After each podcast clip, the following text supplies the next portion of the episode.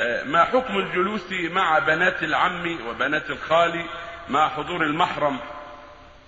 إذا كنا مستترات ولا في فتنة فلا بأس. أما إذا كان الحضور لأجل الفتنة ولأجل التمتع بالنظر إليهن وهن سافرات لا يجوز هذا.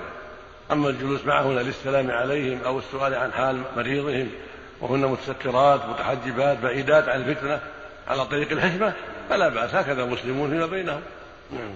هذا لأفغانستان هل يجوز